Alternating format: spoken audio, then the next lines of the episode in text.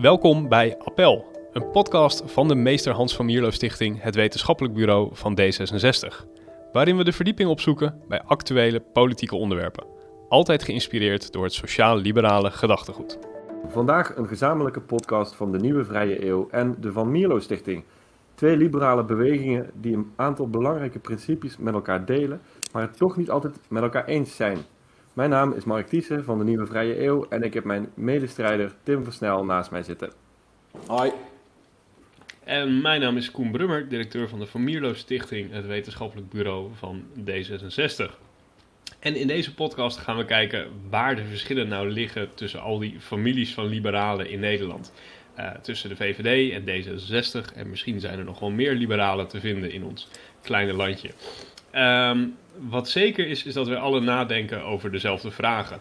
Waar staat liberalisme nou voor in de jaren 2020 en hoe kunnen we ervoor zorgen dat onze liberale ideeën ook van waarde blijven in de 21ste eeuw? Superleuk. Nou, Mooi. het zou toch, Dit wat, wordt- het zou dit toch wordt wat zijn? Ja, het zou toch wat zijn als de VVD en D66 eh, nog wat dichter bij elkaar konden komen. Ik zag dat eh, dat, dat vandaag, eh, de dag waarop wij de podcast opnemen, eh, niet helemaal zo was. Want eh, Mark Rutte heeft vandaag eh, het akkoord gesloten op de Europese begroting. Eh, en Rob Jetten was daar volgens mij, eh, nou in ieder geval om- over de opstelling van Rutte nogal eh, kritisch. Eh, dus je zag meteen toch dat die twee partijen best wel uit elkaar kunnen liggen ook. Ja, ik zag allemaal positief eh, kritische tweets van, eh, van Rob voorbij komen, inderdaad, over, eh, over jullie partijleider. Ja. Ja. Ja. Ik eh, vertelde aan een, eh, aan een stagiair vandaag, of eh, ons aan, aan collega's, dat ik hier met jullie deze podcast doe. En toen zeiden ze, oh dat is leuk, dat zijn die twee D66'ers die lid zijn van de VVD. Oh, Dit doet wel pijn. man, dat is wel echt vernietigend. Ja. Hey, ma- mag ik, Koen, mag ik jou gelijk daar eens een vraag over stellen? Sinds wanneer eh, eh, komt D66 er eigenlijk voor uit dat het een liberale partij is? Of, of vindt het dat? Sinds wanneer vindt D66 dat van zichzelf? Eh, nou, we zijn een sociaal-liberale partij. En eh, er is zelfs een, eh, een, een, een plaats en een, en een jaar aan te wijzen sinds wanneer we dat zeggen. Namelijk een congreslocatie in Gouda in eh, 1998. Oké. Eh, want toen nam, het, nam, nam een congres van D66 een motie aan dat wij vanaf toen het onderschrift sociaal-liberaal zouden dragen. Ehm, aan de ene kant was dat een soort, soort break met het verleden, een breuk met het verleden. Eh, omdat hè, de, de, de grote van Mierlo, die had zich natuurlijk altijd... Hè, die, die wilde niks weten van politieke ideologie. Want hè, Ja. in de jaren 60 was het een vernieuwingsbeweging. Opblazen van het bestel. Ehm, maar eigenlijk ook al naast Van Mierlo, al die decennia, bestond er wel een soort stroming in D66 die zichzelf meer in die, in die progressief-liberale hoek eh, plaatste. Ehm, en, eh, en dat werd met die motie op het congres eigenlijk bekrachtigd. Dus ja, sindsdien eh, zijn wij een sociaal-liberale partij. Oké. Interessant. Ja, want ik, ik, Ja, kom ik, ik dat- wist dit helemaal niet. Nee, want ik wist wel niet. dat eh, Van Mierlo er altijd eigenlijk juist dwars van was om in, zo'n, een, om in een van de liberale of in een van de ideologische families eigenlijk getrokken te worden. Ju- juist omdat het natuurlijk ging om die principiële, eigenlijk staatsrechtelijke vernieuwing. Ja, klopt. En, Het- en, ja, Ja, er is ook best een grappige anekdote dat op dat congres toen schijnt hij eh, naar de garderobe te zijn gelopen na die motie. En toen heeft een journalist hem horen zeggen dat, eh, dat D66 toch nooit aan deze onzin had meegedaan. Eh, dus die was, ook, eh, ja, die was er niet, niet over te spreken, inderdaad.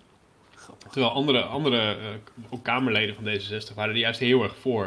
Erwin Niepels, iemand die echt 25 jaar in de Kamer heeft gezeten voor, voor D66. eh, die zei ook altijd tegen Van Mierlo van... jij wilt het partijbestel opblazen. Eh, ik ben hier gewoon om een progressief-liberale partij te beginnen... die ik altijd miste in het, eh, in het politieke landschap. Eh, Ja, ja. Dus eigenlijk vanaf de start waren die meningen al best, best verdeeld daarover. En, en de, nu de Van Mierlo Stichting, zien jullie jezelf ook echt uitgesproken als liberale denktank of als liberaal wetenschappelijk bureau? Of, of zit daar wat meer ruimte omheen? En, en zit bij jullie ook de focus toch wel heel erg op bijvoorbeeld eh, de democratie en bestuurlijke vernieuwing? Ja, kijk, ik, in de praktijk zijn die onderscheiden niet zo heel hard. Hè. We zijn wetenschappelijk bureau voor het sociaal liberalisme. Eh, maar we hebben bijvoorbeeld twee jaar geleden nog een, eh, met D66, met het landelijk bestuur, een, een partijstuk gemaakt. Dat heette Democratie van Nu. Dat ging allemaal over allerlei staatsrechtelijke zaken. Ehm, en ik denk ook als je kijkt naar die hele geschiedenis van het sociaal-liberalisme, daar hoort democratisering eigenlijk ook wel bij. Ik bedoel, je had al de Vrijzinnig Democratische Bond voor de oorlog, die, die pleit al voor een referendum. Uh, bij monden overigens van de latere VVD-oprichter uh, Oud. Oh, ja. uh, die, die, was toen VDB'er. Die was heel erg voor referenda in de Tweede Kamer. Um, Zo zie je, dus maar iedereen kan er wel eens naast zitten. Ja, precies, zeker. um, dus, dus ja, je ziet dat die politieke lijnen elkaar wel vaker doorkruisen in de loop van de geschiedenis. Dus ja. wat mij betreft hoef je daar ook niet zo heel strikt in, in te zijn. Nee, nee, precies. Het is wel een maar, beetje maar waar, jullie, hè, maar jullie, ook- eh, jullie heren, jullie proberen de VVD een beetje naar links te trekken, is mijn beeld. Nee. Ehm, overigens, we, hebben het natuurlijk wel vaker gehoord. En, dat is ook extra waarom die eh, opmerkingen van jouw medewerkers dan een klein beetje pijn doen. Ehm, want eh, ook omdat eigenlijk de eerste thema's waar, waarmee we ook echt eh, bezig zijn geweest in die podcast, dat zit hem inderdaad ook in ongelijkheid, klimaatverandering, dat soort zaken. En dat wordt natuurlijk meer met, nou ja, met links geassocieerd dan met rechts. Maar dat is wat ons betreft juist onderdeel van het probleem. En als ik voor mezelf spreek, ik, bedoel, ik, ik zie mezelf absoluut niet als links. Ik, bedoel, ik ben een redelijk rechtse vent. En eh, dat, dat zullen al mijn linkse collega's in de gemeenteraad van Rotterdam ook wel beademen. Maar ehm, ik denk wel dat we eh, vooruitstrevend moeten durven zijn. Eh, en dat we open-minded moeten durven zijn in ehm, eh, hoe we kijken naar de problemen die zich voordoen in deze tijd. En, en, en ik, ik denk wat we zeker delen is dat we wars zijn van al te dogmatisch denken. En ik denk niet dat dat links of rechts is, eh, maar het is meer een soort progressieve houding eigenlijk. In de manier waarop je over eh, politieke en maatschappelijke vraagstukken nadenkt. Ja, heel mooi. Ja, ik, ik, ik, ehm, een van mijn favoriete mensen, eh, mijn collega Marjolein, is eh, D66er. Vrij eh, actief ook. Eh, en ik kan je vertellen, ik ben geen D66er. Ik praat veel met haar over politiek. Het gaat eh, op een aantal onderwerpen echt wel heel goed. Hè? En ik denk ook wel, eh, als, als je het zo wil noemen, dat ik zelf ehm, op een aantal onderwerpen linkser ben geworden dan ik dat misschien was. Eh, maar op een aantal onderwerpen ook echt wel rechtser. En ik merk dat ik niet meer zo vast zit in het partijdenken dan tien jaar geleden. Hè? Waarbij alles wat een partij doet op beleidsniveau, ja, dat je dat goed vindt. Ik heb daar geen last meer van. Dus ik kan wat vrijer nadenken over de uitkomsten die ik wil. En die zijn altijd gerelateerd aan een, een vrije samenleving.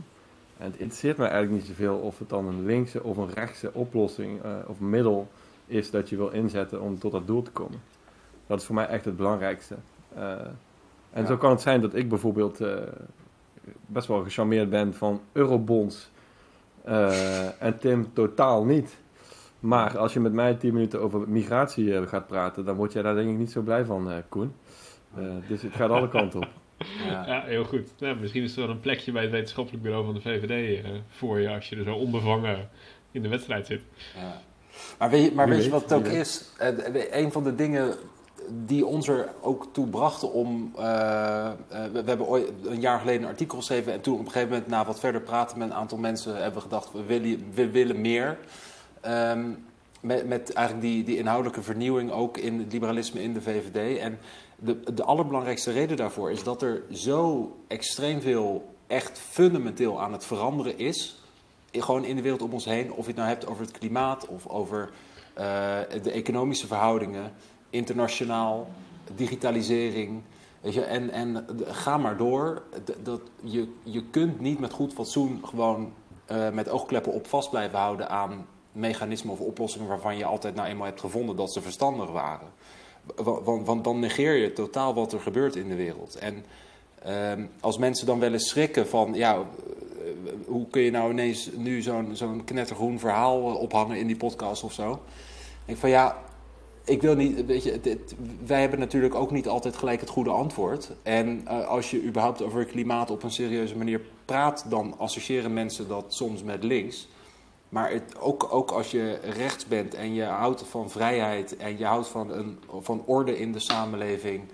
ehm, en je wil het individuele recht op gewoon een prettig leven zonder al te veel bemoeienis wil je beschermen. Ook dan moet je je juist heel erg druk maken over dat soort thema's.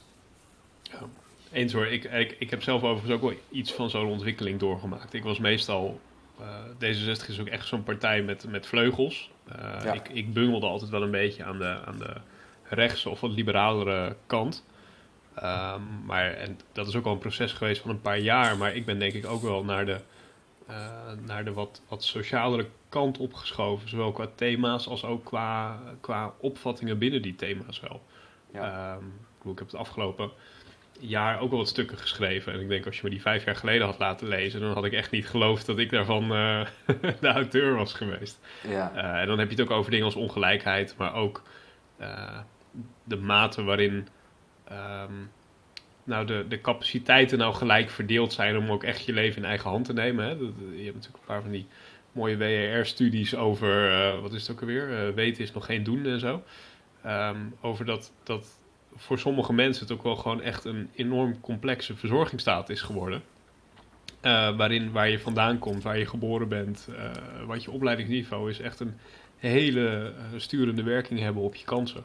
Ja. en als je inderdaad een ideaal als vrijheid serieus neemt, dan moet je ook wel, ja, dan, dan, dan, dan zou het bijna een soort intellectuele luiheid zijn om daar niks mee te doen, denk ik dan. Zeker. Um, dus ik herken best wel wat je zegt hoor. Daarin ben ik zelf ook echt wel opgeschoven de afgelopen jaren. Ja. Um, het, is ook, het is ook een. Um, als je. Uh, ik ben geen twintig meer. Dus uh, sinds mijn twintigste en mijn 38ste, wat ik nu ben, zit 18 jaar. En daar is heel veel in gebeurd. En het kan gewoon eigenlijk niet waar zijn dat wat ik op mijn twintigste belangrijk vond om uh, een vrije samenleving, hoe, die, hoe die vorm zou moeten hebben.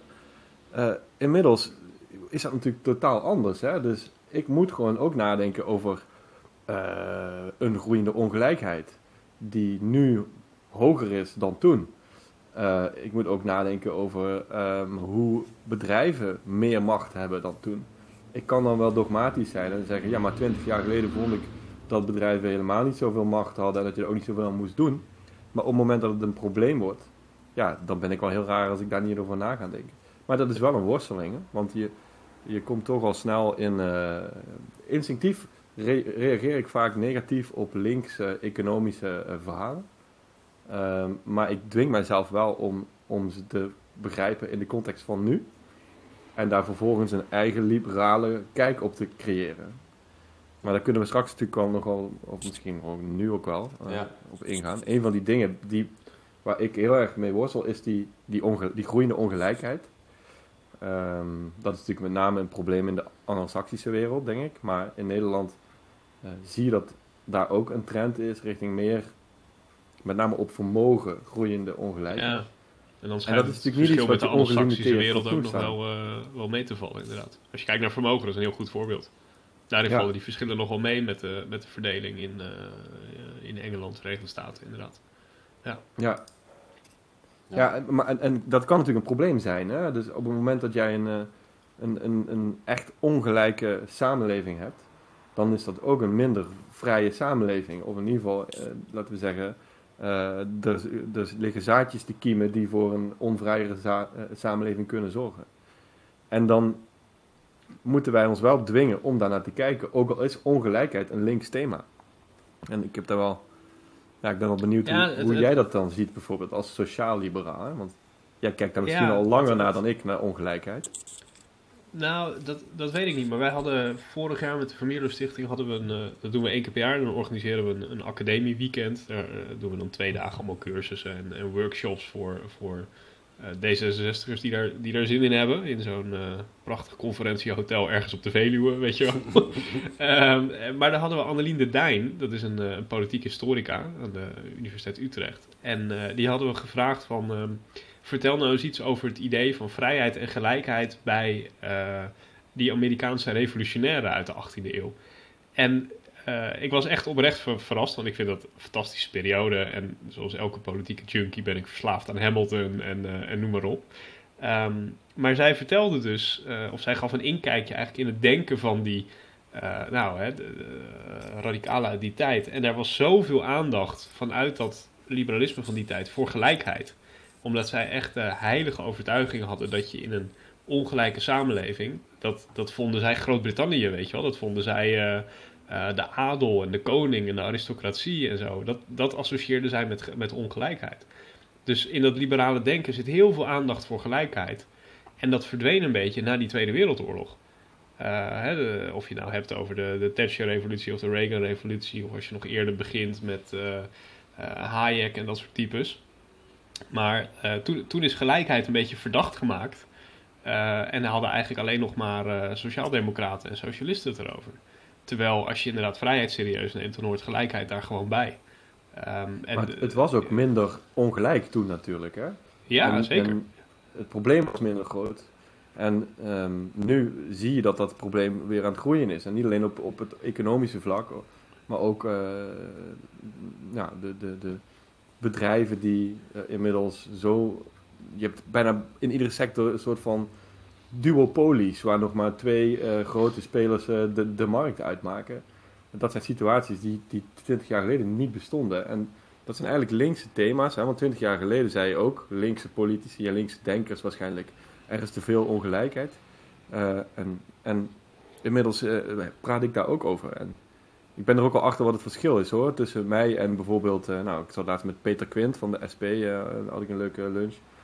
Um, maar ook een Rutger Brechtman en, en die ook heel veel over ongelijkheid bezig zijn. Het verschil tussen mij en hun, het heeft me tijdje gekost om het te ontdekken, is dat voor hun eigenlijk um, er altijd te veel ongelijkheid is. En terwijl voor mij kan er te veel ongelijkheid zijn, maar kan er ook te weinig ongelijkheid zijn. Hè? Want omgedraaid denk ik ook dat als je een te gelijke samenleving hebt, dat dat op zijn beurt ook weer effecten heeft op vrijheid, op hoe die samenleving eigenlijk uh, een, uh, de in, van de energie benomen wordt en niet meer echt liberaal is. Dus daar zit toch, je, dat is dan waar het verschil zit bij mij. Dan, dan bedoel je een afgedwongen gelijkheid. Ja. Een, een, maar dat kan uh, bijna niet anders, hè? Als je echt streeft naar gelijkheid, dan ja. moet dat altijd een afgedwongen gelijkheid zijn. En hoe, hoe gelijker het wordt, hoe repressiever je eigenlijk moet zijn om, om uh, die gelijkheid af te dwingen. En dat spreekt mij niet aan natuurlijk. Ja. Uh, maar op het moment dat die ongelijkheid een gevaar wordt voor vrijheid of voor democratie of voor vertrouwen van mensen in onze liberale rechtsstaat, nou, dan, dan ja. denk ik dat je daar ook als rechtse liberaal zoals ik wel degelijk over moet nadenken. Nou, ik ben ook over dat, dat aspect van het afgedwongene ben ik de laatste uh, week iets genuanceerder gaan denken door het boek Fantoomgroei van Sander Heijnen en Hendrik Noten. Dat is eerder dit jaar uitgekomen. Echt een absolute aanrader. waarin ze beschrijven eigenlijk op een heel beklemmende en tegelijkertijd ook heel plezierige manier hoe in, ja, eigenlijk sinds de Tweede Wereldoorlog onze economie zich heeft ontwikkeld. Van inderdaad in, in de eerste 30 jaar tijdens dat economisch wonder van die wederopbouw heel erg uh, communitair, heel erg welvaartdelend. Uh, en hoe eigenlijk sinds de jaren 80, dus die Thatcher-Reagan-revolutie, uh, dat, dat is veranderd. En um, kijk, als je het hebt over afdwingen, dan, kom je, dan denk je aan geld afpakken. Maar een economie um, werkt per definitie langs bepaalde regels, die nu toevallig zo zijn. dat bedrijven uh, en mensen die kapitaal hebben daar extreem eigenlijk voordelig uitkomen ten opzichte van uh, arbeid, ten, ten, opzichte van gewoon werknemers. Maar dat, dat, dat, hoeft niet zo te zijn. Weet je, en met het akkoord van Wassenaar is in Nederland eigenlijk de, zeg maar, de loonmatiging ingezet. Wat toen nodig was, vond men om uit die economische crisis toen te komen en om eigenlijk die, die periode na de, eigenlijk na het industriële tijdperk in Nederland goed in te komen. Maar um, het is helemaal niet vanzelfsprekend dat lonen niet meegroeien eh, evenredig met bedrijfswinsten, bijvoorbeeld. Dat is nu gewoon een regel. Maar ik bedoel, als je afspreekt dat lonen wel altijd evenredig moeten meegroeien, dat voelt voor mij niet als afpakken, bijvoorbeeld. Dat voelt voor mij niet als een gedwongen herordening. En hetzelfde geldt voor al die uh, platformbedrijven nu uh, en andere grote internationale ondernemingen die winst wegsluizen uit Nederland. Uh, dat, dat, is natuurlijk een groot probleem. Daar gaat heel veel geld uit onze, uit onze economische cyclus eigenlijk verloren. Dat verhinderen voelt voor mij niet als afpakken. Sterker nog, dat voelt eigenlijk als heel reëel. Want laat de winst blijven waar, die, waar de waarde wordt gecreëerd, zou ik zeggen dus ik denk, uh, en, en we hebben, dit is natuurlijk ook een van de thema's, dat, zeg maar, dat neoliberalisme, dat is wat veel mensen bedoelen als ze het hebben over die verschraling eigenlijk van de positie van de werknemer sinds de jaren tachtig. Ehm, dat is natuurlijk ook een van de grote bronnen van kritiek op liberalisme in brede zin. Mensen denken tegenwoordig ook dat liberalisme en dat soort hyperkapitalisme eh, hetzelfde zijn. En, Ja. En, en, en ik, dus ik vraag me ook af in, in hoeverre die discussie. Kijk, een VVD'er strekt zich vaak aan als. eh, ehm, als ze het verwijt krijgen van ja, je bent neoliberaal en dan gaan wij in het verweer en dan zeggen we neoliberalisme bestaat helemaal niet. Ehm, maar Ja, ik ben zo eentje. Ik ben er zo. Ja. Ik word echt gek van het woord. dat kan ik me voorstellen, ik ook. Maar nu denk ik van ja, ik bedoel, ik vind het heel vervelend dat er het woord liberalisme in zit. Maar ik snap nu wel beter in ieder geval wat men ermee bedoelt. En waar ik ook wel benieuwd naar ben, is Maar, maar hoe wordt bij deze wat bedoelen ze er dan mee? Nou ja, dus eigenlijk dat eh, die interpretatie van kapitalisme sinds de jaren tachtig, waarin je ehm, ehm, eh, eigenlijk toestaat dat eh, de factor kapitaal steeds in toenemende mate wordt beloond. En waarbij je eigenlijk als de overheid een steeds kleinere rol inneemt in de economie. Waardoor je dus eigenlijk ook de, de, de spelers in een economie die van zichzelf al machtiger zijn, namelijk degene die heel veel middelen of kapitaal hebben, eh, eigenlijk steeds meer vrije ruimte geeft om die macht ook uit te oefenen. eh, ten koste van eh, de relatief kwetsbare massa. Er is Ja, nog ik- nooit ik- ik iemand denk- geweest ik- na de jaren 50 die zichzelf neoliberaal noemde, volgens mij. Hè? Dus, het is Ja, ja die, die en de Friedmans volgens mij wel. Ja, maar dat is 70 jaar geleden. Hè? Toen, toen heeft, het, eh, Ja. heeft daar 40 jaar heeft niemand het daar meer over gehad. En sinds een tijd, eh zeg een jaar of 20, begint dat woord, eh, weer terug te komen. Ja. En hoe ik zie dat het gebruikt wordt, is je kijkt naar dingen die je stom vindt. En dan Ja. zeg je, kijk, dat is neoliberaal. En daar heb ik wel een probleem mee. Weet je? Ik zie ook wel problemen. Ik, ik zie ook wel problemen met bepaalde eh, uit het liberalisme afkomstige, eh, ja, dat we zeggen, uitwassen die we tegenwoordig zien. Ja. Maar Maar Mark, zou je niet De, het neoliberalisme, ja, echt waar. Zou je, zou je niet eh, kunnen zeggen dat. Want ik ben het wel met je eens. Hè? Er zijn natuurlijk weinig mensen die zichzelf neoliberaal noemen. Ehm, maar wat mij wel hielp, is dat je het meer ziet als een soort. eh, als een soort analytisch concept of zo. Ja. Hè? Meer als een soort fenomeen. En, en dat zie ik wel heel dat erg. is beter. Je- ja, want als je kijkt naar. eh, ik had laatst een interview met Michael Frieden. Dat is echt een, eh, een super eh, boeiende. ja, kenner van politieke ideologie eigenlijk. Brit. Ehm, en die zei van ja, liberalen kijken naar burgers, naar individuen. Ehm, maar binnen het neoliberalisme, wat het dan ook mogen zijn, daar kijk je naar, naar klanten of naar consumenten. Zeg maar. Dat is eigenlijk het alles wat in de samenleving gebeurt in economische termen vatten. Eh, Ja. De BV Nederland is natuurlijk een heerlijk voorbeeld ook daarvan. Eh, en, en, en dat zie ik wel heel erg. Dus ik zie inderdaad, hè, volgens mij veel mensen waarvan we zeggen dat het neoliberalen zijn, dat zijn eerder een soort conservatieven of zo. Of, eh, of meer van die, van die ja, wat we vroeger met Thatcher zouden associëren.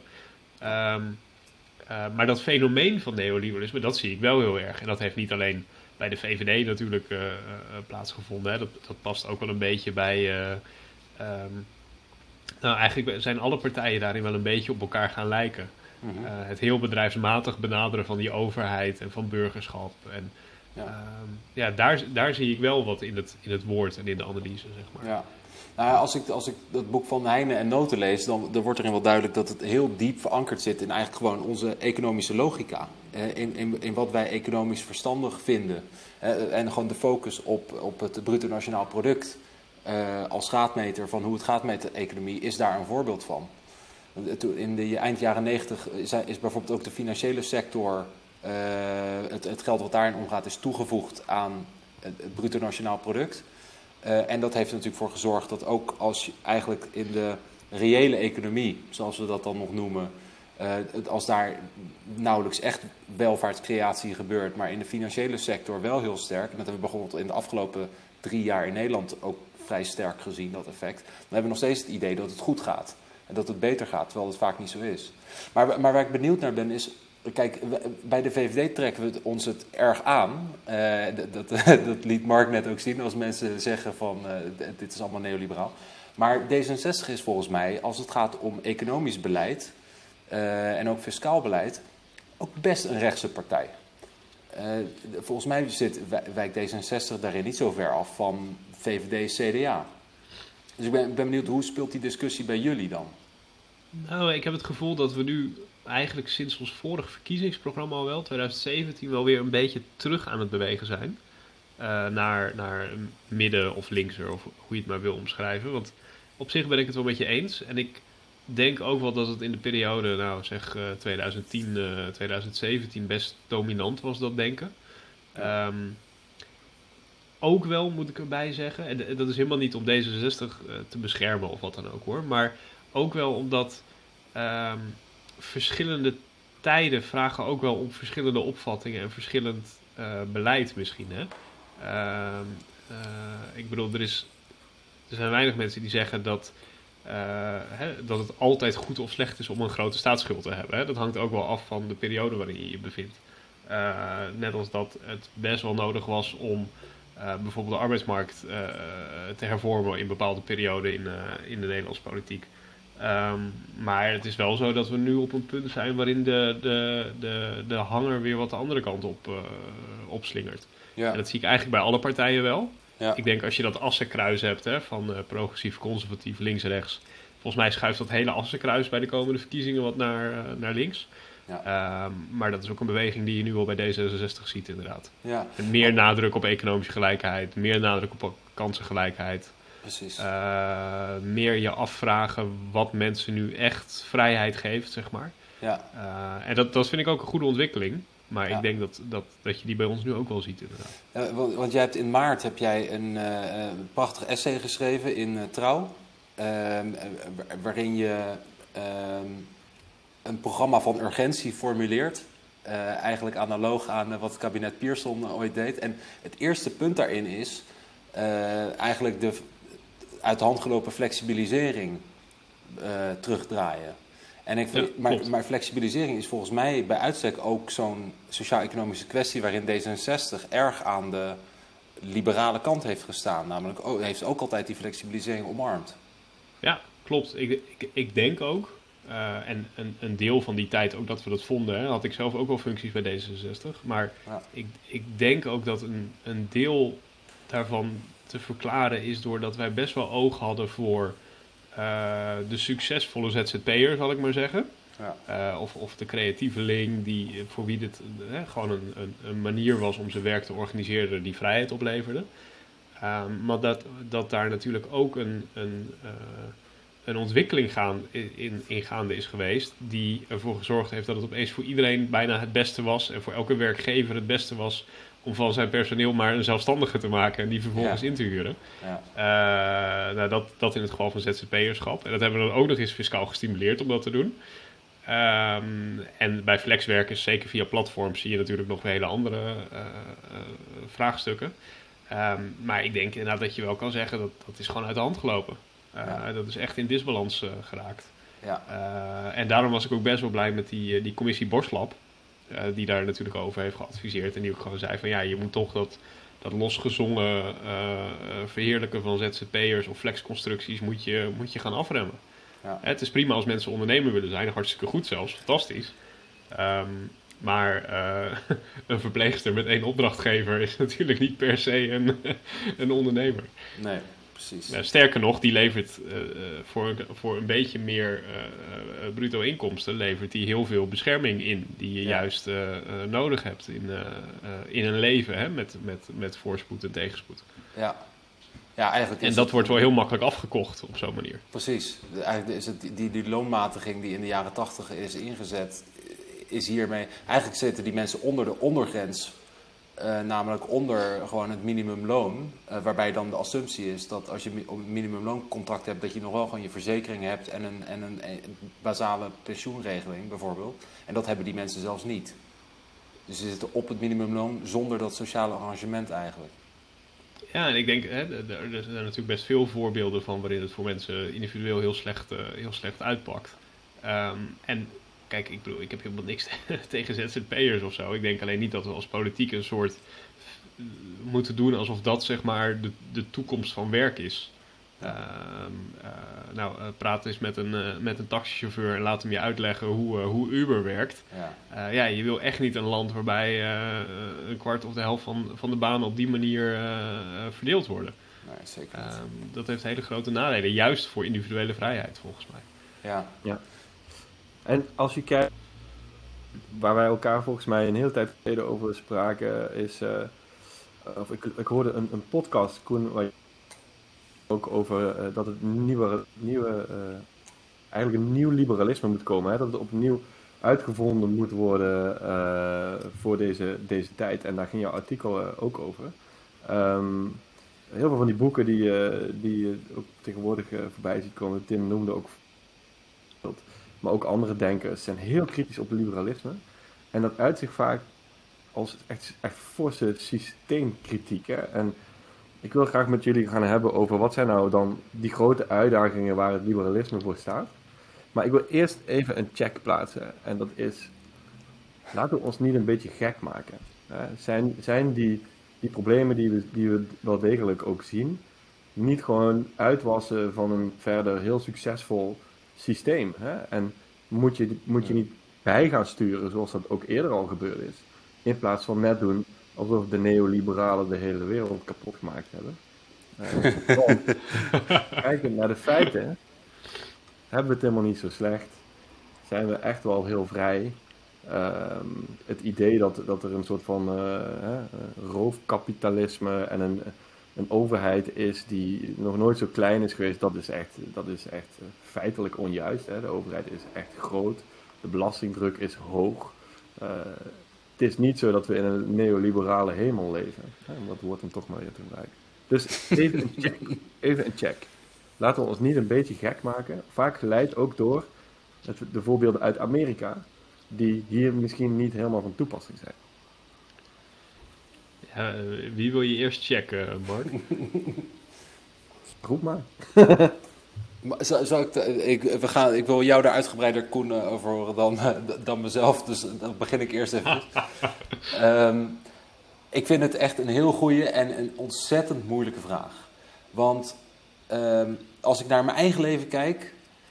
eh, ik bedoel, ik, ik ben echt nou, veel vrijer dan ik zou een mens niet moeten willen zijn. Weet je wel? Ik bedoel, want dan zit je alleen nog maar de hele dag in keuzestress met eh, alle keuzes die je zou moeten maken. Ehm, tuurlijk, ook voor, ik, ik, ben een ZZP'er die gelukkig goed verdient. Eh, ik heb eh, een prachtig werk, ook nog als gemeenteraadslid, waar ik heel veel betekenis van krijg. Ik heb een fijne sociale omgeving waar het goed mee gaat. Ik woon in een stad waar volop wordt geïnvesteerd in publieke voorzieningen. Ehm, dus in die zin, ehm, Een en al privilege, die jongen. ja, hè, en dan ben ik ook nog een blanke man en heteroseksueel. Kan je nagaan. Dus eh, veel beter wordt het niet, zou je zeggen. Ehm, maar eh, de, de- en dus het is moeilijk om eh, je, eh, vanuit een positie zoals ik die heb, je een voorstelling te maken van ellende die er ook zou kunnen zijn. En dat die er is, eh, bedoel, daarvoor hoef je in Rotterdam hier bijvoorbeeld ook niet heel ver te zoeken. Eh, ik, het, kantoor waar ik nu zit staat in Feyenoord. Dat is een wijk waar het geleidelijk aan iets beter mee gaat. Maar nog steeds eh, is er heel veel, ook heel erg zichtbare, echt doffe ellende. En zijn er heel veel mensen die ehm, echt gewoon een shitty job hebben voor een nog shittier salaris. Ehm, met kinderen die naar een school gaan waar eh, vaak geen leraar is. Hier op, op in 300 scholen hier is er gewoon echt een significant leraartekort. Eh, die mensen hebben geen perspectief op, op welvaartsopbouw. Ehm, de, de, zijn, en, en, dan heb je nog, eh, en dat is los van eigenlijk de, eigen, de eigen materiële situatie, is er natuurlijk heel veel frustratie omdat zij een maatschappij om zich heen zien. eh, waarin er wel extreem veel rijkdom en voorspoed eh, en, en welvaart lijkt te zijn. En dat gevoel van onrechtvaardigheid en van achtergelaten zijn, dat- daarvan kan ik me heel goed voorstellen dat het vrij sterk is bij die mensen. En oh ja, ook als je naar cijfers kijkt. ehm, ik bedoel, we hebben in zekere zin allemaal natuurlijk een lot uit de loterij dat we in Nederland wonen. En dat geldt ook voor Britten en dat geldt ook voor Amerikanen. Ehm, maar dat wil niet zeggen dat het eh, voldoet aan wat onze standaard zou moeten zijn. Eh, en eh, als je het hebt over vrijheid en gelijkheid, gelijkwaardigheid, die zijn onlosmakelijk met elkaar verbonden. Dat zijn de, zeg maar, de twee strengen van dat, van dat DNA. ehm, van, van wat onze ideale samenleving zou moeten zijn. Dan denk ik van ja, dat, eh, ik kan me goed voorstellen dat hier heel veel mensen leven die zich helemaal niet zo vrij voelen. Zoals ik dat doe. Dat vind ik, eh, dat vind ik al eh, een goed punt. En ja, ik, ik snap ook heel erg de check die, die Mark wil aanbrengen. Eh, eh, maar dat brengt je ook een beetje op het hellend vlak van ja, alles is relatief. Ehm, hè, inderdaad, we hebben eh, verschrikkelijk weinig armoede. Hè, als je, zeker als je het historisch bekijkt. We leven natuurlijk in een plek in de wereld waar het eh, ongelooflijk goed gaat. Ehm, ook als je echt naar van die grote datasets kijkt, hè, van kindersterfte door de eeuwen heen en verzin het allemaal maar. Nog nooit hebben zoveel mensen het zo goed gehad in de wereld. Dat is absoluut waar. Ehm, maar dat betekent niet, wat mij betreft, en, en daarin geldt misschien wel het progressieve van ons, eh, van ons alle drie. Eh, of althans in elk geval bij Tim. Mark moeten we nog maar eh, afwachten hoe hij zijn eigen check beantwoordt. Ehm, maar ehm, kijk, je hebt gelijk, de belastingdruk is heel hoog. Maar wat krijg je er precies voor? En wie ervaren precies die belastingdrukken? Is, is degene die, die betaalt, is dat, is dat een beetje gelijk verdeeld? Ehm, ik, ik ben altijd best wel verwonderd als je kijkt naar ons onderwijs, hoe slecht we eigenlijk nog steeds in zijn om kansen een beetje gelijk te verdelen. Eh, als je kijkt naar de woningmarkt, hoe toch op een gekke manier hoe slecht we er eigenlijk in zijn om te zorgen dat gewoon veruit de meeste mensen gewoon een redelijk huis voor een redelijk bedrag eh, kunnen kopen of huren. Ehm, als je nu weer kijkt naar de Belastingdienst, wat echt een soort mijn favoriete casus is voor ongeveer alles rond de overheid op dit moment. Eh, juist omdat het zo'n uitvergroting is van, van problemen die je volgens mij op meer plekken eh, wel ziet. Ehm, hè, je ziet volgens mij toch wel op heel veel plekken eh, problemen. En ik denk ook wel dat ze groeien. Ehm, zeker als je vijf of tien jaar terug in de tijd kijkt. Ehm, dus eens. Hè, liberalisme, dat denk ik ook oprecht, is nog steeds, of althans de liberale democratie, is nog steeds de allerbeste vorm om een samenleving in te organiseren. Ik denk dat internationale handel nog steeds de beste manier is om je wereldgemeenschap in te organiseren. Ehm, ik denk ook dat, dat, dat we juist liberalisme moeten aanpassen of opnieuw moeten uitvinden om te voorkomen dat hè, al die idealen van persoonlijke vrijheid en, en rechtsgelijkheid en zelfbeschikkingsrechten en zo, die toch best wel uniek zijn voor, eh, voor een liberale democratie, eh, dat, dat je die verloren zou zien gaan wegens onvrede op andere thema's. Eh, en dat is volgens mij de urgentie van, eh, van liberalisme opnieuw uitvinden. Of, Ik vind die check belangrijk omdat ehm, het gaat heel snel richting een, een systeemkritiek die Ja. bijna fundamenteel is. Hè? En dat vind ik gevaarlijk, want je, je moet echt niet vergeten in wat situatie we zitten. Eh, met zeker allemaal problemen die ook inderdaad aan het groeien zijn, zoals jij zegt, Koen. eh, en waar je op moet bijsturen. Maar eh, je moet ook niet weggooien wat ons hier gebracht heeft. En Hmm. ehm, een, van de, eh, een van de gevaarlijkste dingen, denk ik, die wij zouden kunnen doen, is ehm, het, het systeem zelf zo onherkenbaar aanpassen dat, de, dat we de mooie kanten die ons in deze prachtige, eh, welvarende, vrije eh, samenleving hebben gebracht, ook meteen als, als met het badwater worden weggegooid. En, Ja. ehm, en dat mis ik vaak, eh, toch. Een van de dingen die mij opvalt is dat eh, je vaak hoort, hè, er is nu een generatie die het slechter gaat krijgen dan, eh, voor het eerst een generatie die het slechter gaat krijgen dan de ouders. Ik heb dat zelf vaak gezegd. En ik ben erover nagedenken. En het is de grootste bullshit die er is. Want het is nooit, het is nooit een vanzelfsprekendheid geweest dat een generatie het beter kreeg dan de generatie daarvoor. Historisch gezien kon dat wel eens gebeuren. Maar dat is nooit een vanzelfsprekendheid geweest. Dat is een vanzelfsprekendheid geworden dankzij het systeem waar we nu allemaal zo op afgeven. Dus het feit dat je al zegt hoe erg het is dat er een generatie is die het minder goed gaat krijgen dan de generatie daarvoor, laat al zien hoe ongelooflijk goed we het eigenlijk gehad hebben de afgelopen 100 jaar. In een situatie waarbij generatie op generatie rijker en vrijer werd. Dat is historisch gezien eigenlijk een anomalie. Hè? Dus dat, dat is iets wat heel raar is. Dus Ja. eh, ook niet iets wat je volgens mij als een vanzelfsprekendheid moet gaan zien. Nee. Nou, ik, ik denk, eh dat is een heel interessant punt. Ik denk dat we zonder dat we het ons goed hebben gerealiseerd, eh, sinds het einde van de Tweede Wereldoorlog een, een gouden eeuw hebben doorgemaakt.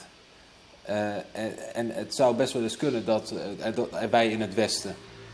En ehm, nou, die loopt denk ik een beetje op zijn eind. En, en een groot deel van de somberheid, eh, en, en die voedt natuurlijk ook kritiek nog eens extra, is dat we ook niet meer zo'n heel goed, eh, niet meer zulke heel duidelijke fantasieën hebben over onze toekomst. eh, in positieve zin. We, we hebben heel veel grimmige fantasieën, heel veel angstbeelden over het einde van de wereld en het ineenstorting van het Westen enzovoort. En, maar we kunnen ons nog niet zo goed voorstellen hoe prachtig onze wereld zou kunnen zijn over 30 jaar als we verduurzaming hebben doorgemaakt en eh, iedereen heeft daar op een positieve manier onderdeel van kunnen zijn, bij wijze van spreken. Dus ja, dat, dat ben ik wel met je eens hoor. Maar dat, dat is eigenlijk altijd wel een manco geweest, ook van liberalisme. ja, Eh, wij, wij zijn altijd vrij slecht in, eh, in, in toekomstbeelden. in utopieën, De- ja. ja, de, de geschiedenis is nooit af, weet je wel. En Ja. als je nou een socialist bent, of, hè, dan, dan heb je een soort idee van nou, als de klassenstrijd achter de rug is, dan ja. is daar de hegemonie der arbeiders. Eh, Ja. eh, als je een conservatief bent, dan, dan wil je dat sowieso niet. Hè? Dan, wil je, eh, dan, dan wil je behoud en het in ere Ja. herstellen van tijdloze, tijdloze waarheden. Maar liberalen hebben altijd een beetje mee lopen klooien door de, door de geschiedenis heen. Die hebben altijd is dat een, ja, vooruitgang, maar gematigd. Vooruitgang, maar ordelijk. Ja, Eh, het steeds een beetje beter voor steeds een beetje meer mensen. ja. Eh, maar dat waren nooit echt de, de prachtige vergezichten, inderdaad. Nee. Nee, maar kijk, eh, het Rode Paradijs, dat- is natuurlijk ook maar beperkt concreet. En wa- wat je daarin zeker weet is, alle mensen zijn gelijk. en, en die werken op het land met elkaar samen, of in de fabriek. Maar voor liberalen eh, is het op zo'n abstractieniveau ook, ook niet zo ingewikkeld om ons een redelijk utopisch beeld voor te stellen van, van, een, van, een, van samenlevingen die in, in harmonie met elkaar samenleven, waarin eh, vrij ondernemerschap is, eh, en, eh, grote culturele vrijheid en, eh, en, en een grote mate van gelijkwaardigheid. Schrijf het boek, eh, Tim. ja, hey. Het, het liberale eindpunt. ja. Maar goed, maar kijk, Maar ja, wat, wat, wat zien jullie dan echt, zeg maar, als, als... We hebben het al over ongelijkheid gehad en zo. Eh, Wat, Ja. wat zien jullie dan echt nu als, als grote uitdagingen voor het liberalisme? Zeg maar, wat is nou zoiets waarvan je kan zeggen, ja, dit, dit, dit moet je fixen. als Ja. ideologie of als, als denken. Of, hè, wat wat Ja. moet anders? Ik zie, ik zie zelf alles eigenlijk inmiddels in het model van een veranderend mensbeeld. Eh, en dat is eh, een abstracte denkoefening, maar laten we zeggen dat het, het, liberalisme een, eh, het is een, een set aan ideeën en een ideologie, maar het is ook een, een bepaald mensbeeld wat daarbij hoort. hè? En uiteindelijk is dat de, de rationele mens, wat later ook de homo economicus is geworden. En onze hele wereld is ingericht op het idee dat eh, de mens rationeel is. Hè, handelt eh, op basis van hele doordachte winst- en verliesberekeningen. Een soort van uti- utilitaristische wezen. Dat constant berekeningen maakt over wat wel en niet in zijn of haar voordeel is. Dat is een beetje gechargeerd, hè, maar dat is eigenlijk hoe onze hele samenleving en ook de democratie bijvoorbeeld is ingericht. En we zijn er nu aan het achterkomen, de afgelopen decennia, en dat zit nu in een stroomversnelling. Aan de ene kant dat dat gewoon niet waar is. Dus de mens is geen rationeel denkend wezen. We hebben een wereld gecreëerd op basis van iemand die niet bestaat. Eh, en ten tweede dat dat nu allemaal effecten heeft die eh, naar, aan de oppervlakte komen. Als je kijkt naar de democratie, zie je daar hele grote effecten van dit probleem zie je aan de oppervlakte komen. Als je kijkt naar hoe technologie wordt ingezet, hoe mensen eigenlijk eh, tegen, tegen zichzelf gebruikt worden, zie je dat. Maar ook iets als duurzaamheid en de moeite die we hebben om daar eigenlijk eh, eh, een oplossing voor te vinden, heeft te maken volgens mij met, met dit. En de grootste worsteling waar het liberalisme in zit, heeft ook hiermee te maken. En de enige oplossing daarvoor is als liberalisme erin slaagt om weer terug te gaan, denk ik, naar meer fundamenteel die ideeën eh, dan het mensbeeld. Hè? Dus je kan zeggen, wat we heel lang gezegd hebben, eh, democratie is de beste vorm van bestuur, want het levert de beste beslissingen op. Nou, inmiddels kunnen we daar denk ik wel kanttekeningen bij plaatsen. Je kan ook zeggen, democratie is de beste vorm van bestuur, want het gaat over vrijheid. En dat vinden wij belangrijk. En dat kan ook leiden tot verkeerde beslissingen, maar dat is niet belangrijk. Ehm, Ja. En ik denk dat dat, dat is waar het, dit is volgens mij, dit is het model dat ik gebruik mentaal om Ja. al die uitdagingen waar we voor staan, wat allemaal eigenlijk ook uitdagingen zijn die voortkomen uit de, hè, wat de liberale samenleving heeft gecreëerd. Ehm, ik zie die allemaal in het kader van een wereld die we gecreëerd hebben op basis van eh, een mens die niet bestaat en dat we nu die aanpassing moeten gaan maken. Ja. En dat is heel moeilijk. Churchill zei trouwens, eh, democratie is het eh, slechtste bestuursmodel dat bestaat, op de rest na. Ja, klopt. Een Mooie, dat vond ik een mooie nuancering, want democratie is denk ik inderdaad niet ideaal. Ik, ik ben het hierover volstrekt met je eens. Ehm, ik, alles wat we uit gedragswetenschap hebben geleerd inderdaad de afgelopen decennia wijst erop dat mensen ehm, eigenlijk veel slechter in staat zijn om voor zichzelf eh, de goede beslissingen te nemen dan we hebben willen geloven. Ehm, en ook veel makkelijker bespeeld en gemanipuleerd eigenlijk kunnen worden dan we, dan waarschijnlijk hebben willen geloven. En die beide dingen bij elkaar zijn inderdaad een vervelende cocktail in zo'n complexe samenleving met nou ja, digitalisering en alles wat daarbij komt. Ehm, de, en ik ben het, ben het met je eens dat het in die zin eh, onze, onze liberale idealen op de proef stelt. Ik denk met name dat dat voor de VVD ehm, een, een, dwingt tot een forse nuancering van onze nadruk altijd op de eigen verantwoordelijkheid. Eh, wa- Want bij, de VVD, bij VVD'ers is het altijd de tweeslag vrijheid en verantwoordelijkheid. Dus we willen dat iedereen vrij is, maar we willen ook dat iedereen persoonlijke verantwoordelijkheid neemt voor al zijn beslissingen en al zijn keuzes. En bedoel, als je, als je die gedragswetenschap eh, aanneemt, eh, da- dan kun je dat niet volhouden. Eh, in, in veruit de meeste situaties, bijvoorbeeld als het gaat ook om, om gewoon onwenselijk gedrag in kwetsbare wijken en dergelijke, mensen hebben niet echt een andere keus. En je kunt wel, en je kunt wel Da- vinden. da- en daarom ga je ze ook dubbel, dubbel straffen, toch? In die wijken. nou, ja, oké, dan gaan we daar de discussie over aan. Maar da- dat ging niet om de mensen die in de wijk wonen, maar om de mensen die in die wijk een misdrijf komen plegen. Dus Oh het ja. ging juist over het extra beschermen van die mensen. Ik plaag maar even. Ja, nee, heel, heel begrijpelijk. Ehm, maar een, een, een ander aspect wat mij bezighoudt, ne- ne- net als veel eh, mensen overigens de laatste tijd natuurlijk, is eh, onze super diverse samenleving. Ehm, daar, kijk, wij liberalen gaan ervan uit dat als mensen in vrijheid bij elkaar samenleven, dat, dat ze dan zelf, hè, zoals Bokkestein het ook zei, dat daar vanzelf een, het bezielend verband eh, ontstaat. Ehm, en, dat, eh, en, en persoonlijke vrijheid is intrinsiek goed. Ehm, dus een grote samenleving met heel veel mensen die in vrijheid hun eigen identiteit vormgeven in alle verschillende richtingen, is dus ook goed. Maar ik, ik maak me er soms wel eens zorgen over. Ik, ik zit er soms eens over na te denken van. Misschien is er eh, toch een bepaalde grens aan hoeveel eh, diversiteit een samenleving aan kan voordat, je daar, voordat het niet meer vanzelf goed blijft gaan. Eh, en eh, bijna als zo'n ehm, eh, bijna als zo'n natuurwet die in, bepaalde, eh, in een bepaalde set omstandigheden goed opgaat. En als bepaalde variabelen voorbij een punt gaan, niet meer.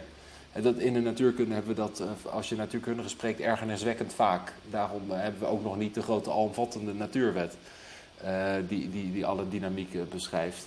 En, ik, en ook omdat we met een heel grote vanzelfsprekendheid die, die superdiversiteit hebben laten ontstaan, hebben omarmd. En je ziet dat het nu enorm schuurt. Ehm, en puur vanuit liberaal perspectief denk ik van we, we moeten daar goed over nadenken of dat wel vanzelf goed blijft gaan. En of er dan juist in zo'n superdiverse samenleving niet toch een grotere rol ook voor een overheid ligt. Om door middel van onderwijs en, andere, en misschien ook op andere manieren meer gemeenschappelijkheid eigenlijk op te dringen. En ik Ja. ben benieuwd hoe jij daar naar kijkt, Koen. Ik, ik vond het wel mooi wat jullie zeiden over vrijheid en, en verantwoordelijkheid. Een, deel van het antwoord, een antwoord weet ik niet, maar een deel van de associatie die ik ermee heb is ook dat je het hangt ook best wel sterk af van wat zie je nou als vrijheid. Hè? En wat zie je nou als. Hè, is vrijheid iets dat je, dat je hebt en daarna komt er een, een overheid of een gemeenschap die daar beperkingen aan op gaat leggen? Of is vrijheid iets wat voortkomt uit die overheid of een gemeenschap? Hè? En dat dat een soort permanent puzzel is en, en dat je daar een beetje aan moet blijven trekken en duwen en, en knutselen. En dat dat misschien wel nooit af is, die vrijheid. En ik denk, dat hoorde ik ook heel erg in dat, in dat verhaal van Mark terug, dat als je, uh, als je meer op, op die tweede manier naar vrijheid kijkt, dan past dat misschien ook wel iets beter bij, uh, bij de realiteit van hoe mensen zijn.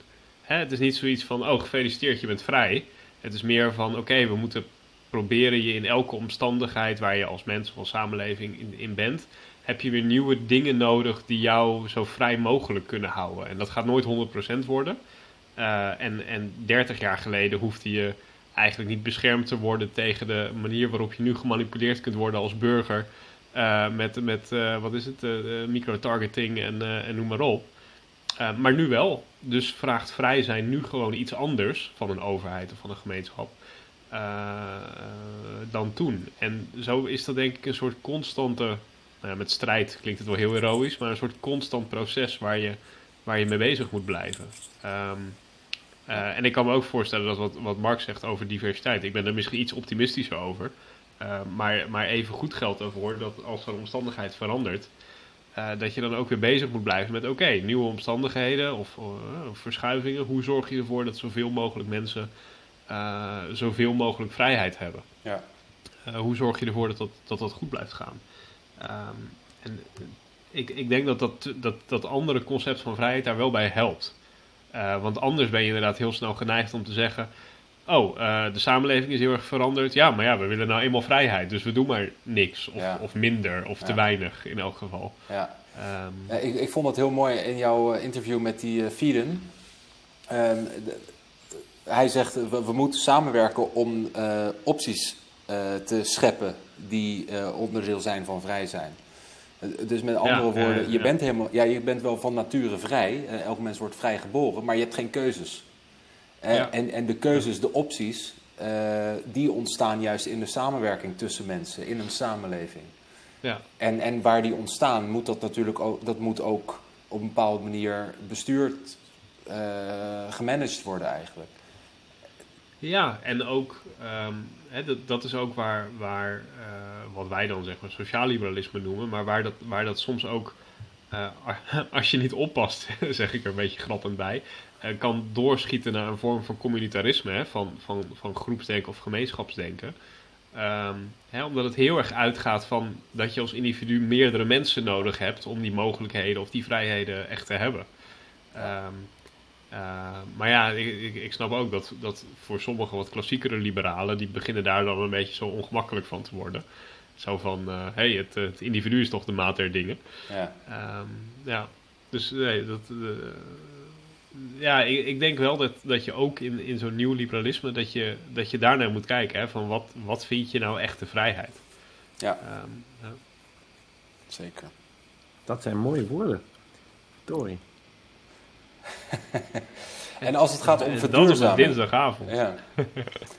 Verduurzaming hebben we natuurlijk een aantal keer genoemd. Um, als je uh, mensen vrijlaat, uh, helemaal. Als, als we zeg maar ervan uitgaan dat individuen op een gegeven moment vanzelf uh, hun gedrag voldoende gaan aanpassen om, een, om, om klimaatverandering eigenlijk te dempen, gaat dat dan gebeuren? Nee, uh, ik denk dat iedereen kan zien dat dat nu niet gebeurt. Ja. Um, en dat heeft ook weer, denk ik, te maken met, met uh, grote verschillen in ontwikkeling gewoon in de wereld. wij hebben fantastische auto's en gaan ze misschien nu wel inruilen voor elektrische modellen. Degene van ons die het kunnen betalen. Um, en, en, en de delen in de wereld die überhaupt, waar überhaupt net autobezit populair wordt, daarvan zeggen we jongens niet doen. Ja. daar ligt natuurlijk een uitdaging.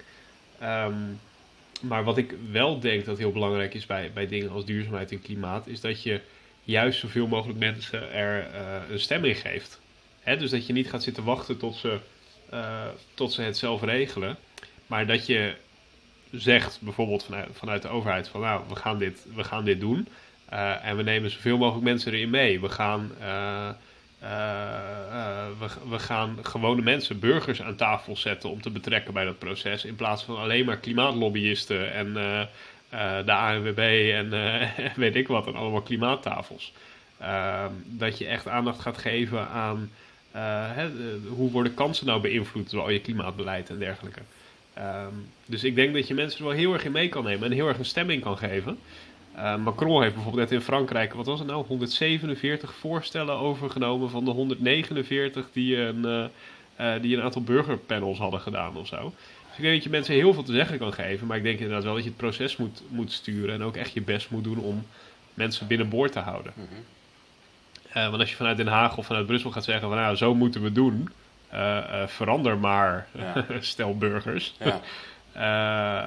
daar ben ik wel heel sceptisch over. Ja. Ja, want eh, liberalen hebben ook nog wel eens een uh, soort aversie tegen leiderschap.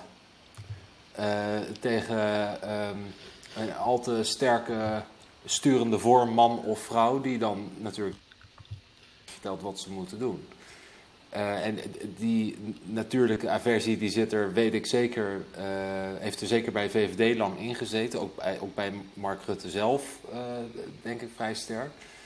En ik, ik, ik ben benieuwd hoe dat vanuit jouw perspectief aan de sociaal-liberale kant zit. Ja, daar, daar zit het ook wel hoor. En een, een, in het persoonlijke zie je daar ook mooie voorbeelden van, denk ik.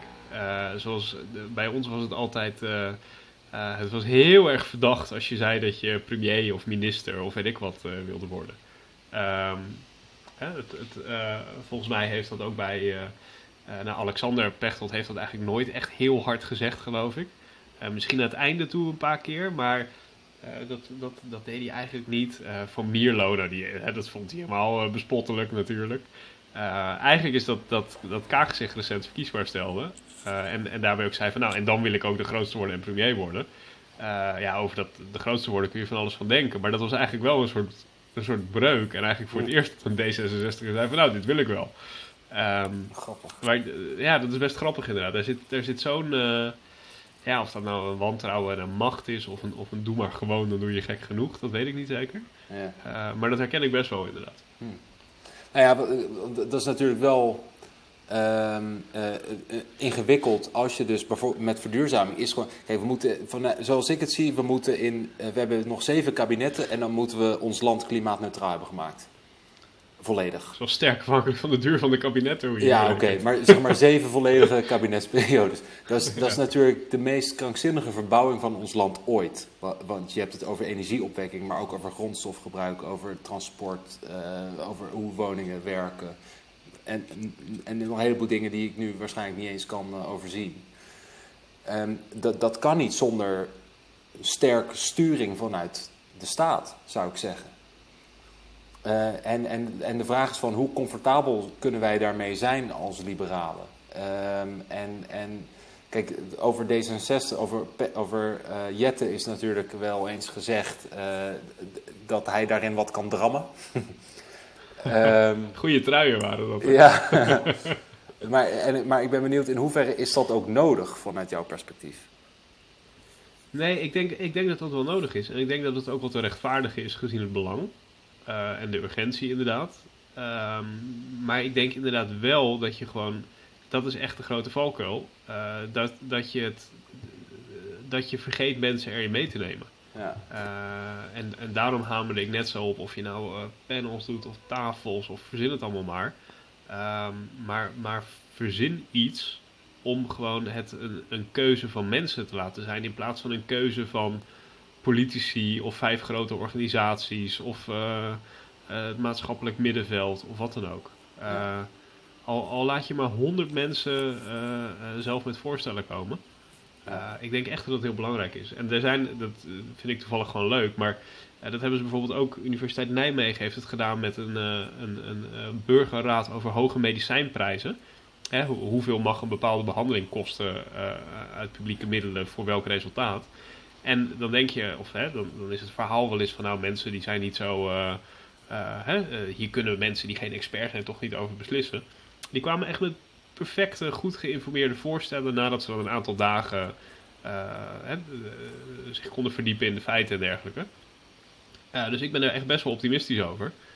maar ik denk wel dat dat een voorwaarde is om inderdaad dat, die strakkere doelen te kunnen, te kunnen halen. En, en dat je ook legitimatie hebt als overheid om dat soort vergaande dingen voor te stellen. Ja, precies. En referenda natuurlijk. Hè?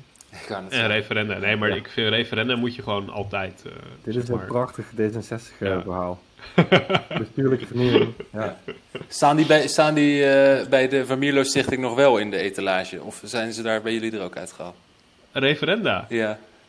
Ja, eh, referenda zijn ook wel zo'n ding waar ik zelf ook wel een soort ontwikkeling in heb uh, doorgemaakt. Ik, ik was altijd wat sceptisch. Vooral over de, de ondermijning die je kan krijgen van je gekozen volksvertegenwoordiging, hè, het primaat van uh, het parlement. Maar tegelijkertijd, uh, ik ben overigens overtuigd door Tom van der Meer, hoogleraar politicologie, zat ook in de staatscommissie parlementair stelsel. Daar had ik twee jaar geleden een, een, behoorlijk lang gesprek mee en ongeveer alle argumenten die ik er tegen had, die veegde hij genadeloos van tafel. Ehm, dat was heel leuk. dus dus mijn, mijn, mijn, mijn twijfel die ik had. Ik, ik was altijd wel voor, maar met kanttekeningen, die zijn eigenlijk wel verdwenen. Ik denk dat het ook echt heel belangrijk is als je kijkt naar hoe de samenleving is opgebouwd. En als je kijkt naar bijvoorbeeld welke mensen afkomen op uh, hè, van die, van die meedenkavonden van gemeenten en zo. Dat is echt een andere groep mensen dan degene die over het algemeen liever stemmen bij referenda en dergelijke. En ik denk wel dat je als democratie je best moet doen om zoveel mogelijk mensen betrokken te houden bij beleid. Uh, en dat maakte Tom toen echt ontzettend inzichtelijk. Ja. uh, en dat, dat vond ik ook wel een soort overtuigend laatste, laatste, laatste zetje.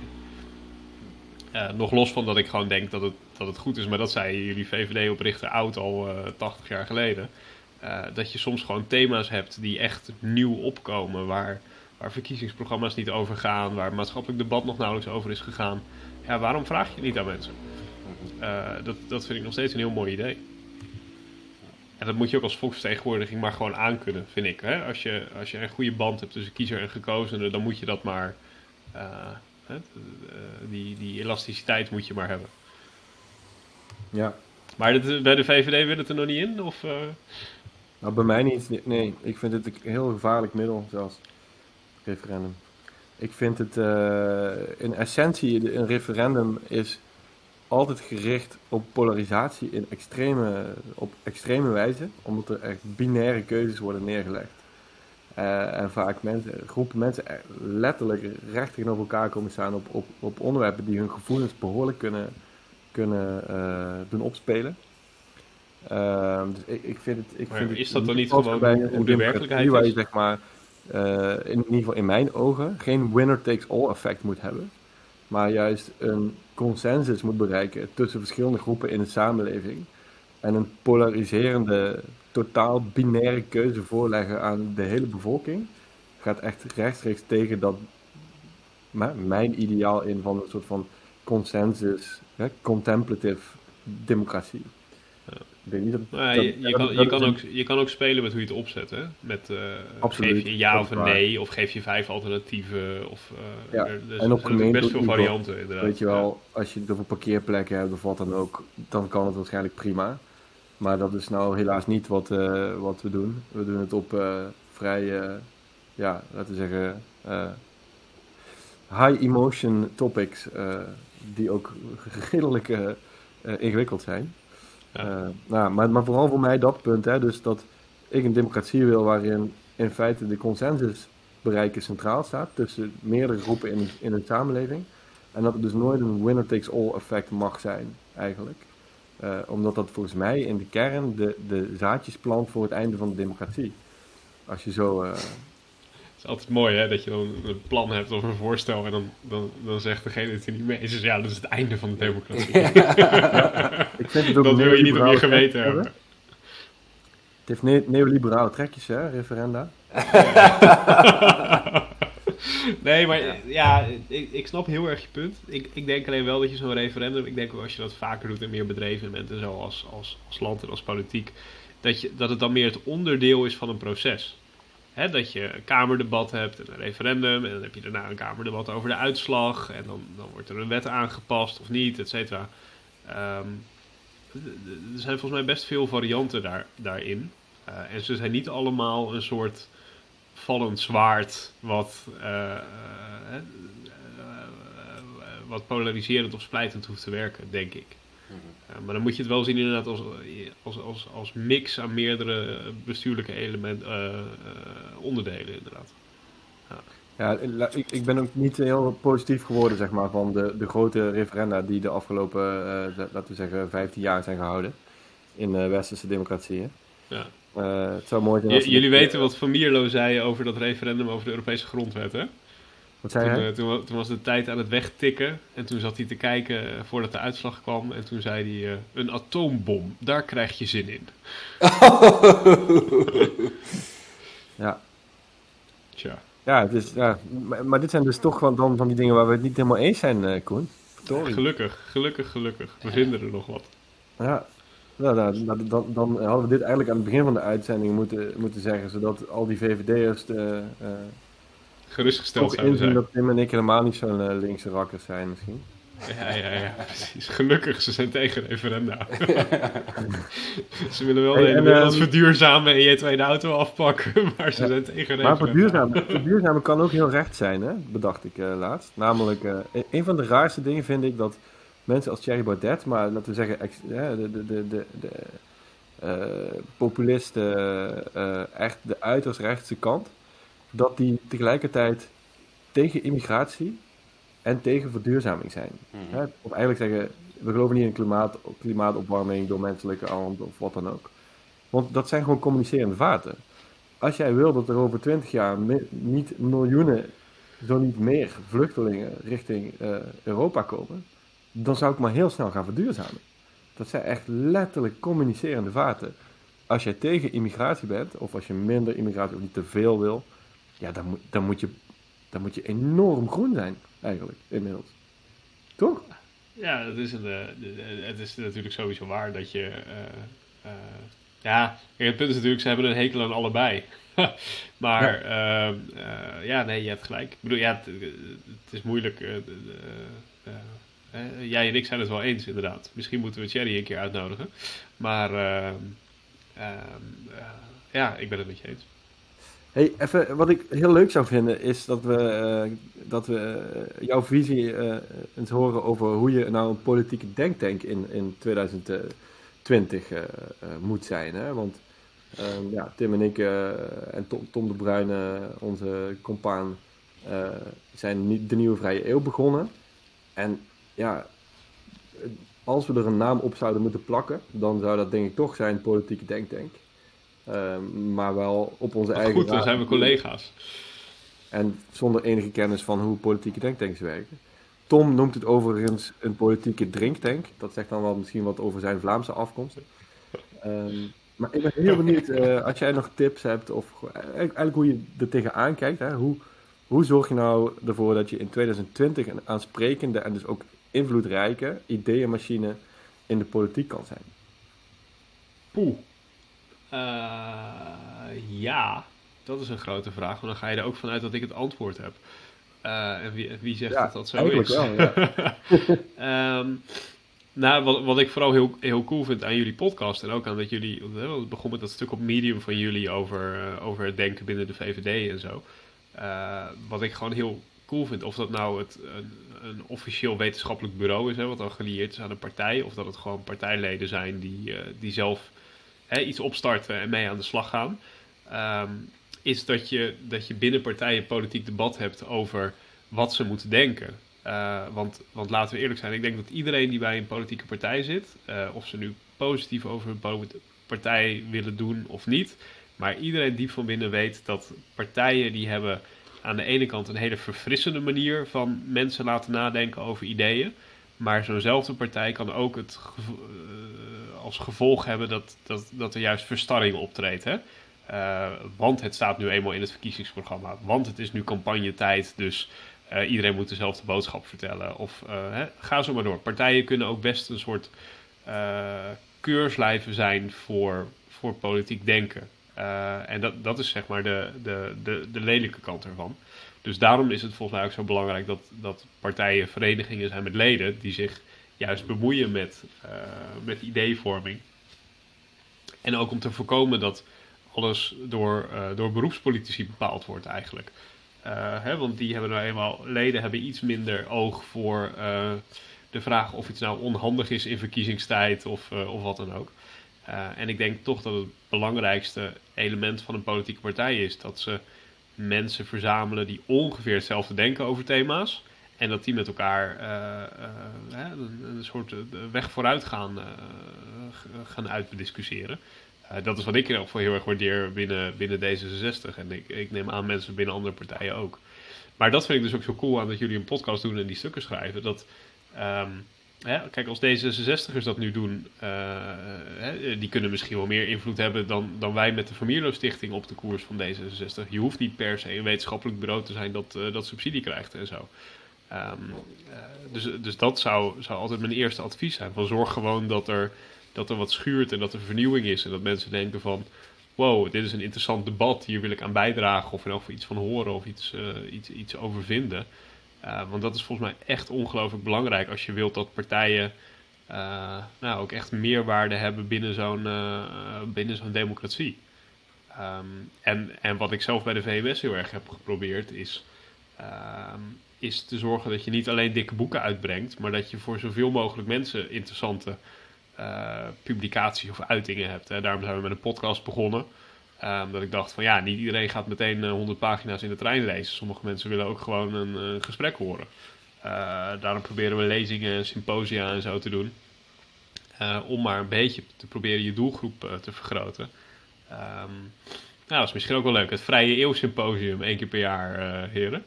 Ja. Um, ja. Um, maar, maar dat is volgens mij heel belangrijk. Dat je gewoon los van de, van, van de professionele politiek een platform bent waar debat kan zijn.